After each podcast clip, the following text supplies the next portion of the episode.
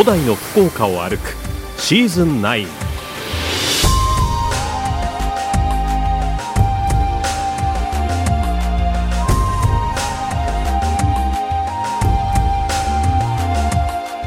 遥かな昔海の道からそして陸路を通じて福岡にはさまざまな文化が入ってきました。その足跡を訪ねる古代の福岡を歩くシーズン9この番組は宮山市の企画協賛餃子の山八道の駅宗像草と共に生きるオーレックの提供でお送りいたします。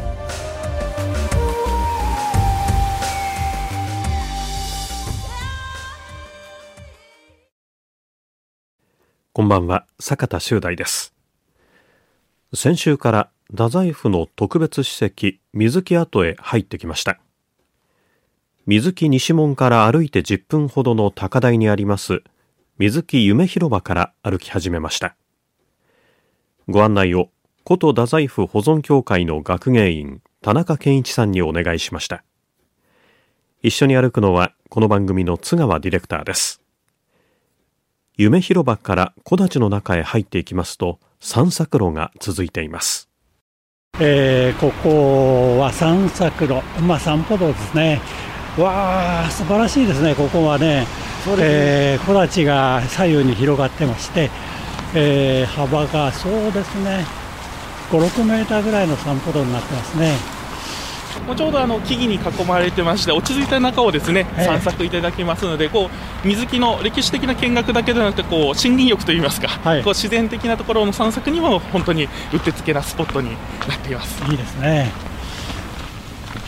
でこちらこう歩きながらですね本当にあの木立の中を自然の中をのんびりと歩いていくんですけれどもあの各所にあの水木についての解説板なんかもですね設置されてますので、はい、もう夢広場から100メートルほど進んできたらすぐまた一つご紹介の看板なんかもありますのでこういったところを見ていただきながらですね、はい、いただくとこう例えば最初に、えー、夢広場出発します。とこういう自然のご紹介もありますのでちょうどこの木立の中にどういった植物があったりとか野鳥が見れるか、はい、まあ、そういったところもですねあの、はい、解説版でありますのでぜひそういったものを楽しみながら。そうですね、はい、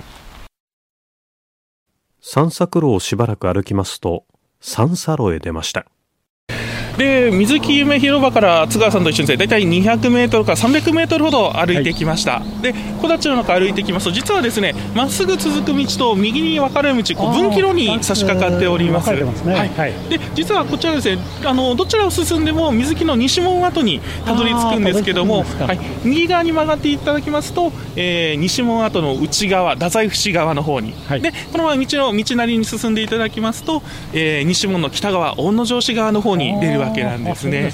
で実は実はですねご紹介したいポイントが実は両方にありまして、まずは道なりにまっすぐ進みまして、はい、西門の北側の方大野城さんのスポットをご紹介してで後ほどまたここまで戻って今度は太宰府側にも行ってみたいなと思いますので、えー、じゃあまずはすみません。あのまっすぐ道なり進んで、北側のスポットをご紹介していきたいと思います。普通に歩かないという感じですよね、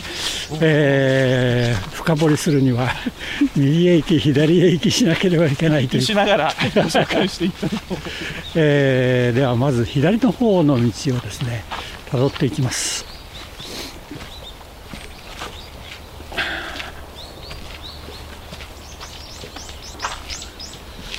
えー、ちょっと坂道になっておりますが坂道を登っていきますえー、登ってきましたらあここはまだ道は続くんですね、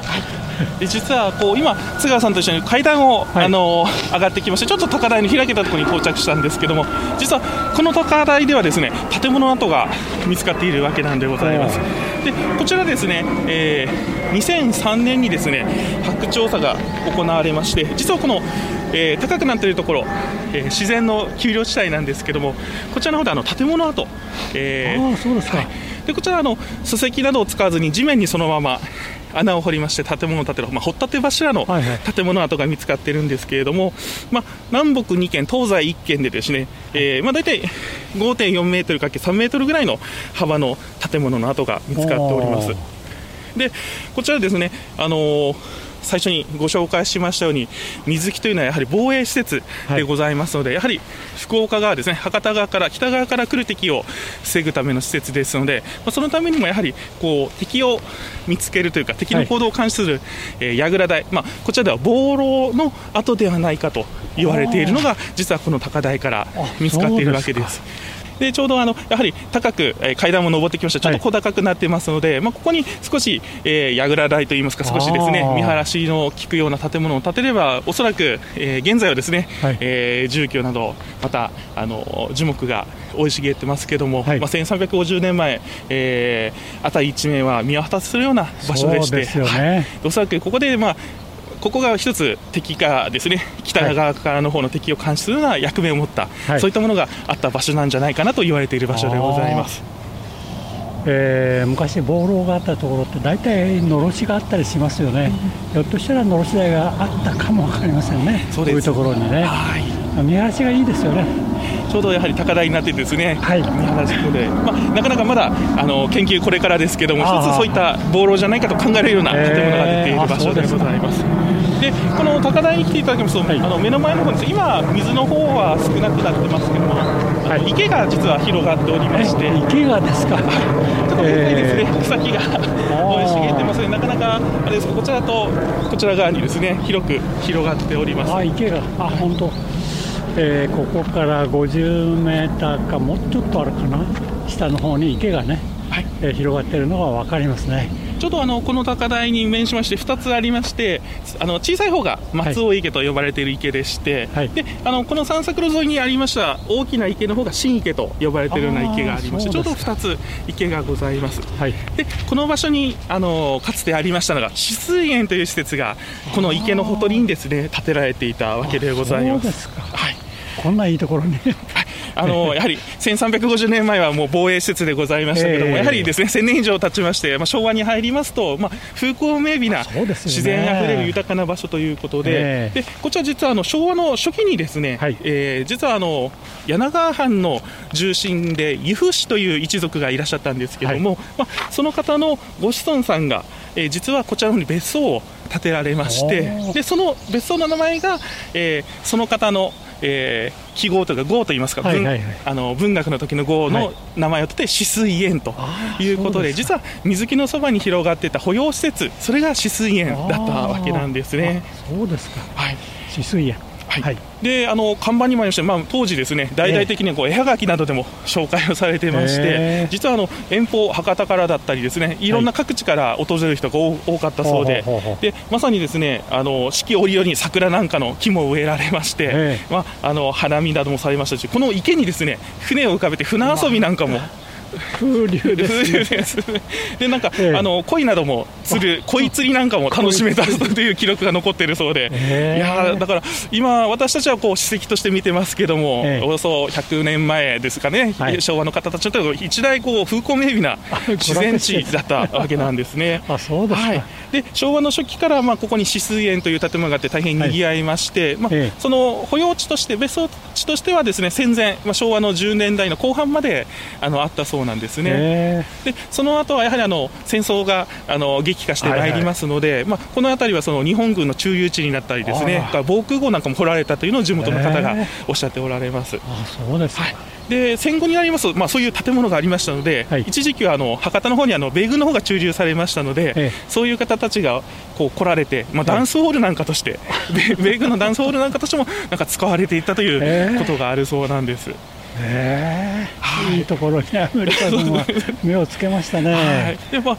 そういったあのかつてあった場所ということででこの出演につきましてはこの地元のボランティアさんたちであったりあるいはあの大野城市の市役所の方でですね、はい、あのきちっと報告書が一冊まとまってますのではい、ぜひあどんなところだったかなって気になる方はぜひその報告書の方もご覧になっていただければと思います、えー、そうですね。気になりますねちょっとね。ダンスホールもあったっていう 社交場じゃないですか。いや素敵な場所だったですね、えー、もうまさに1350年前の歴史が残る場所で、はい、自然あふれる場所ということでもう大変こういい場所だったんだろうなと思います。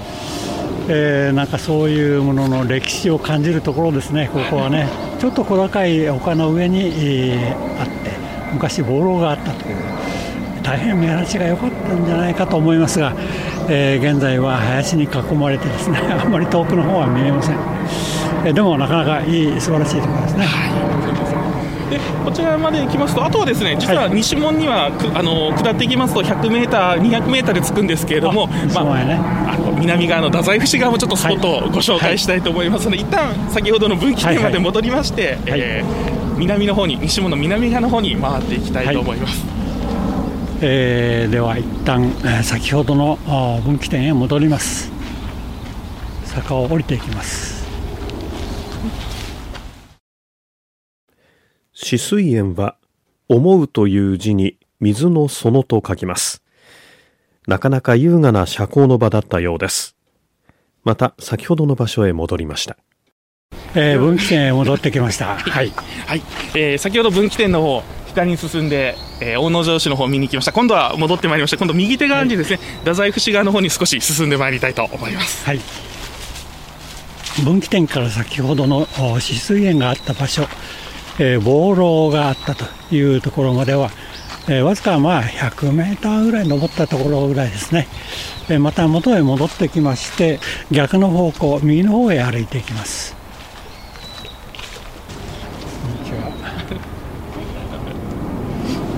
えー、看板が出てきました、えー、水木の自然地形利用というふうに書いた解説ですね。はいえー、先ほどの分岐からですね太宰府市の方に曲がってまいりましたけれども先ほどあの最初の方にですね、えー、大抵を築きて水を蓄えしむ名付けて水木というということで、はい、まあ、日本書紀に水を蓄えたということが書いてあるんですけども、はい、まさにあの水木の方は最初にご紹介しましたように外側そしてまあ内側両方に堀があったんじゃないかなと、はい、えー、まあ、まだまだ研究途中なんですけども考えられているところでございますでちょうどですねこの散策道右に曲がりましてこう歩いてきましたけどもこの一帯がですね、はい、太宰府市さんが整備される際に、まあ、調査を行いまして、で実は、えー、この調査を行いましたところこう自然地形、まあ、特にですね水のこう流れるこう関係が少し見えてきたという場所ででそこにまあこういうふうに看板が設置されているわけでございます。はい。えー、やはりあの水木に、まあ、水を蓄えるということですので、えー、えー、まあ、中央にちょうど三笠川が流れてますけれども、はい、えー、東西の地形というのは三笠川の水位より高いので、えー、三笠川の水をこう引き上げるというのはなかなか難しいというところがありますね。で、ねえ。ー、そのため、まあ、先ほどあの池のお話なんかもしましたけども、えー、まあ、周辺からですね流れてくる水をうまくこう水木の水に、はい、使っていたんだろうということが考えられております。なるほど。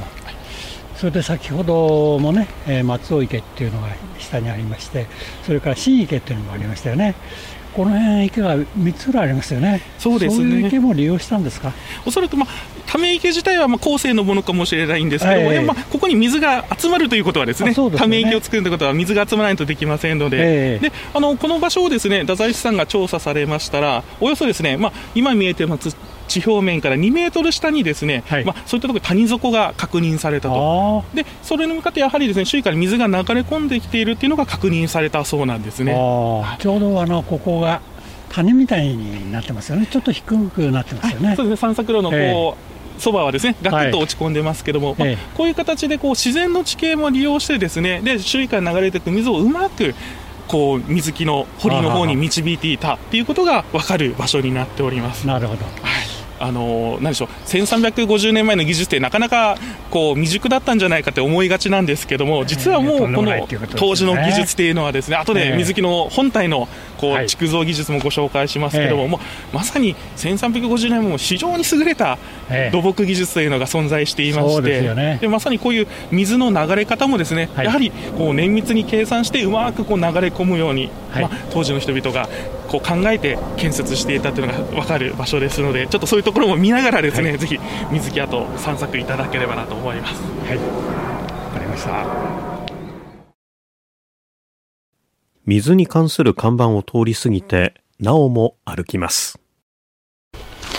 さてあの水の看板のところ過ぎまして、少しもう100メートル進んだぐらいですかね、はい、でちょっとこの字型にぐるっと左の方に緩くカーブするんですけども、そ、ねはい、そのカーブの途中にこう何やらですね古い階段があるんですね。こちらの階段のそばに地元の方がですね建設されたあの案内板があるんですけどもこちらですね、水金跡とかで水上院跡と呼ぶものなんですね。でこれ何かと言いますと実はですねあのかつて昭和の頃にありましたお寺の跡なんですね。はい、お寺の跡ですか、はい、で今あの階段の方が残ってますけども、ええ、実はこの階段を上がったところに実は1924年にですね、はい、建てられたお寺がございました。でそのお寺を建てたのがですね、えー、日蓮宗でありました高鍋日東という僧侶なんですけども、え、まあ、やはりあの時代、戦前ですので、やはりこうアジアに向けてこうやはりですね進出するという考え方が大変大きく広まってた時代でございますので、この高鍋日東という方もですね、まあ、当時の主義として、まあ、大アジア主義思想というこう大変あの大きなこう考え方をお持ちで、モンゴルなどで布教活動されたそうなんですけども、えー、まあ、当時、なかなか、まあ、戦時色が強い時期でもございましたので、えー、え。ー、まあ、こういった場所にですね、まあ、水木、最初にお話ししました今、アジアとの、まあ、唐とか新羅に対しての国防施設ということで、はい、大変、まあ、アジアと深く関係する国防の史跡ということでして、まあ、そういうところで高鍋日さん、ここに寺院を建てまして、はい、まあ、まさにこうアジアへ向けての布教活動、まあ、国威発揚活動をやっていたお寺の跡ということでございまして、まあ、残念ながら戦後間もなくその高波日東さんが亡くなられまして、はい、まあ、お寺の方もその後閉院して亡くなってしまったということで、まあ、現在は水上院跡ということで、まあ後になっているわけなんですけれども先ほど止水園のお話もしましたけどもともとはやはりあの国防の一大防衛施設でしたけども、まあ、時代が変わるにつれて保養施設であったりあるいはまあこういったこう振興活動の場にもなったりということで、まあ、水木といいましても1300年の歴史の中で非常にさまざまな側面があるということで、少しそういった場所というのもご存知いただければなと思います。あそうですか、えー、ここから階段が続いてるんですが、およそ30段ぐらいありますね、その階段の上に水上院というお寺があったということですね、はい、えー、水上院跡と看板が出てますけども、えー、今は建物も何もなくなってしまって何もないということです。はい、はい。そういうところもあるんですね。いろんな方がそれぞれの思いで使われているというのが、もう保養地だったり寺院もあるということで、ね。はい、そういったこういろんな長い歴史の側面も知っていただければなと。いや面白いですね。娯楽施設があったり。があったりと。いろいろなものを含めた、えー、利用の仕方をねいろいろ考えていらっしゃるんですね昔の人は。えー津川さんと、えー、水の跡を確認しながら、そして水上院の跡を見ながらやってきまして、まあ、家が建ちまして、道もですねアスファルト舗装に変わったんですけども、実はこの辺り、左手にですね水木がずっと続いてるんですけども、はいはいはい、実はですね今まで津川さんと歩いてきた水木跡というのは、基本的にですね元の地形、自然の地形を利用した場所でございました。はあはあ、そしてこの家が立ち並ぶちょうど曲がってきましたが、この辺りからですね、はい、ちょうど自然の地形が終わりまして、この先から人の手、いわゆる人工で作った土塁へと切り替わっていく、大体おおよそこの辺りから切り替わっていくそうなんですね。この辺の土塁は高いですよね、20メーターはありますよね、そう高さが、ね、木があるのでそう見えます、えー、あの土で作った部分っていうのは、まあ、大体、もっと低い地表面から大体10メートル前後ぐらいでしょうね。えー、その土塁の上に大きな木が生い茂っておりますね。ですのでこう今はですね、はい、自然の地形も人工で作った部分ももう一体化してですね、はい、もう一体化して自然に溶け込んでますけども実はちょうど1350年前はうまく地形を利用してなるべくこう労力を短縮したいものですからあなるほど、はい、いいところまでは自然の地形を使ってでその先をこううまく人の手で作っていってこうつなげていくという作業をしてこの辺りからは人の手が入った。人の手が、なり入ってるという感じですね。はい。えー、そういう土塁が左側にずっと続いています。本来であればですね、はい、1350年前に作った時はもう土で作ってますので木は一切生えてなかったわけなんですけど、ね、やはり1350年という歴史は長い時間でございますので、えー、今だと本当に土の土塁ですっていうよりもですねもう木々で覆われた森が林が続いているという方が皆さんイメージはしやすいのかなと思うんですけれども、えーまあ、今後やはりあの大き大きくなりすぎますとこの史跡にですね水木本体に悪影響を与えますので、はい、まあ、大野城市さん、太宰市さんの方で少しずつなるべく伐採をしてあの史跡を傷めないように整備を行っていこうということですので、まあ、ちょっとずつ 見晴らしといいますか、はい、こう水木の本体の姿が見えやすくはなってくるかなと思います。はい。えー、そういう土塁の跡を歩いて、えー、ます。土塁のすぐ右側を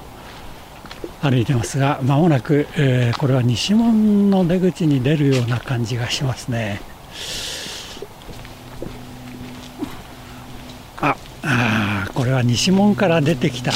道路ですね。はいちょうど歩いてきた道が T 字路で突き当たったところ、それがですね水木の西門跡になっております。はい、でちょうどあの大野城市側さんの方に看板がありますので、それを見ながらちょっと、はい、ご紹介させていただきたいと思います。はいえー、ちょうど西門から来た道に、えー、ぶつかったところで、えー、左側へちょっと歩いていってます。西門の方ですね。ちょうどこの部分狭くなってますね。乗用車1.5台分ぐらいでしょうか。利用するには厳しいですが、ね、これが当時の昔の幅そのままですね、はい、残っている場所ですので東門の方はちょっと広くなってしまって面影がわからないんですが、ね、西門の方はですね、はい、あのその面影が残っている場所になっております。はいえー、ここに特別史跡、えー、水木跡という看板も出てます太宰府夢広場から木立の中の散策路を歩いて水木西門へ出ました。この続きは来週お送りいたします。ご案内は、古都太宰府保存協会の学芸員、田中健一さん。そして一緒に歩いたのは、この番組の津川ディレクターでした。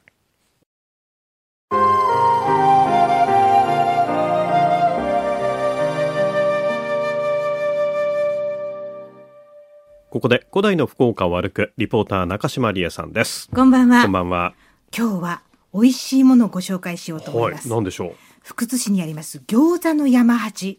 大体寒くなってくると、宮山市のセロリを作った美味しいセロリ餃子。ね、セロリ餃子ですね。出てくるんで、出てるかなと思って本店に行ってみたらですね、もっとびっくりするワードが、優しい餃子がデビューしてたんです。優しい餃子ですか？はい。どう優しいんでしょう？上りが、優しい餃子って書いてあったんで、やっぱ気になりましてね、何がどう優しいのか、餃子の山八社長の藤本大志さんに聞きました。野菜だけを使用したお肉を使ってない餃子になです。優しいんですか？優しさで包まれています。素材自体も優しいです。おお、肉を使ってない餃子。ちょっと想像できないでしょ、えー、今日持ってまいりました。普通に焼いても美味しいけど、スープ餃子にするといいよとおっしゃったので、山八の極み出しというあのパックに入ってる、もうね、誰でも美味しいお出汁が取れるやつに入れてみました。うん。優しい。あ、やっぱり。ふんわり、柔らかい皮の中に、なん、なんですかね、これ複雑な食感が複数、いくつかこう歯触りがあって、野菜の香り。あ、これは複雑な味。なかなかいい味出てくるでしょ。うん、いや、本。しっかりしてますね、味もね。そうなんですよ。うん、あのー、野菜だけだと足りないのかなと思ったらそうでもなくて、中に入ってるのはですね、キャベツでしょ、うん、人参、玉ねぎ、ニラ、ネギ。ニラ、ネギ。生姜。生姜。そしてニンニク。ああ、なるほど。そのあたりでね、味にこう広がりというか深みがあるわけですね。甘みがね、すごい口の中にも出てくるんですよね。これ美味しいなと思ったんですが、いいすね、素朴な疑問が出てきません？餃子って肉なしで作るのかなりチャレンジングじゃないかなと思って思いました。でしょ？う、うん、え藤本社長に聞きました。つなぎがやっぱりいるんで、それはあの、こんにゃくで、こんにゃくペーストで、はい。めちゃめちゃヘルシーじゃないですか。めちゃくちゃヘルシーですね。ああ、そう、こんにゃくをつなぎに。そうなんですよ。だから、全然肉成分がないので、お肉食べられない人、体に合わない人もそうですし、そのベジタリアンとかビーガンの方にも安心して食べてもらえるという。なるほどね。今、再び坂田さんいやいや、止まら、止まらないんですよ、これ。いや、喋っててください。中を確認してますけどね。あの、とにかくその、焼いても揚げても美味しいんですけど、好み次第で本当に焼いてもこう、タレつけて食べても美味しいですし、まあ一番もこうやってスープ風、お鍋に入れたり、お出汁と一緒にいただくのがいいよっておっしゃるんです。うんい や、止まらなくなるんですけどね。で、ぜひこの優しい餃子、あの、優しいのやさはですね、野菜と書いてやさと読ませてるんです。なるほど。ダブルミーニング、ネーミング？ミーニング、うんうん、意味両方かけてるんですよっておっしゃるんですね。この優しさもいっぱいなんですが、同時に実はおなじみの黒豚牛座がリニューアルしてて、こっちは肉が粗挽きになって、ニンニクを増やして、この優しい餃子と両極端になるように。新しいラインナップが揃っててワクワクします。そして私の当初の目的、深山のセロリ餃子なんですけれども、ええ今年4年目になりますね、えースタートしました。この後5月まで作られる予定なんですが、やっぱりね、季節限定餃子の中でもかなり売れ行きが良くって、女性ファンが多いんだそうですよ。でもほら、セロリって結構香りきついので、ええ工場の中大変なことにならないのかな。もともと藤本社長はセロリが苦手な人だったんですよね。ね。聞いたらこんな答えが返ってきました。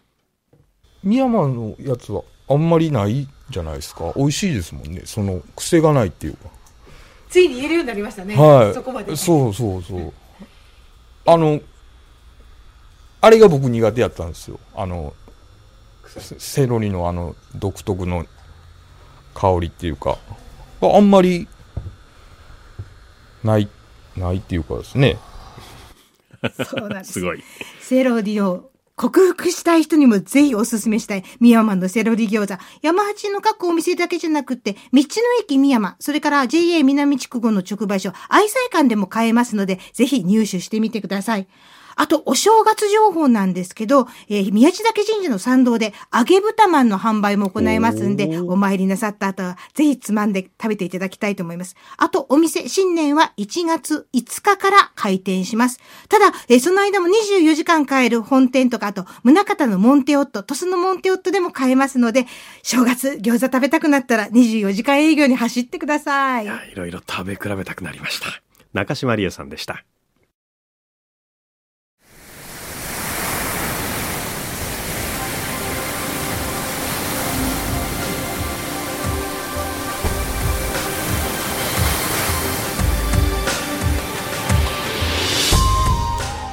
番組からのお知らせです。ホームページのご案内です。これまでの放送内容と番組を1回目からじっくり楽しむことができます RKB ラジオのホームページの古代の福岡を歩くシーズン9のバナーをクリックしてくださいまたラジオクラウドという無料アプリをダウンロードすればスマートフォンやタブレットでもお楽しみいただけますこの番組は宮山市の企画協賛。餃子の山八。道の駅宗方草と共に生きるオーレックの提供でお送りいたしました。まもなく令和6年を迎えます。来年もよろしくお願いいたします。ご案内は坂田修大でした。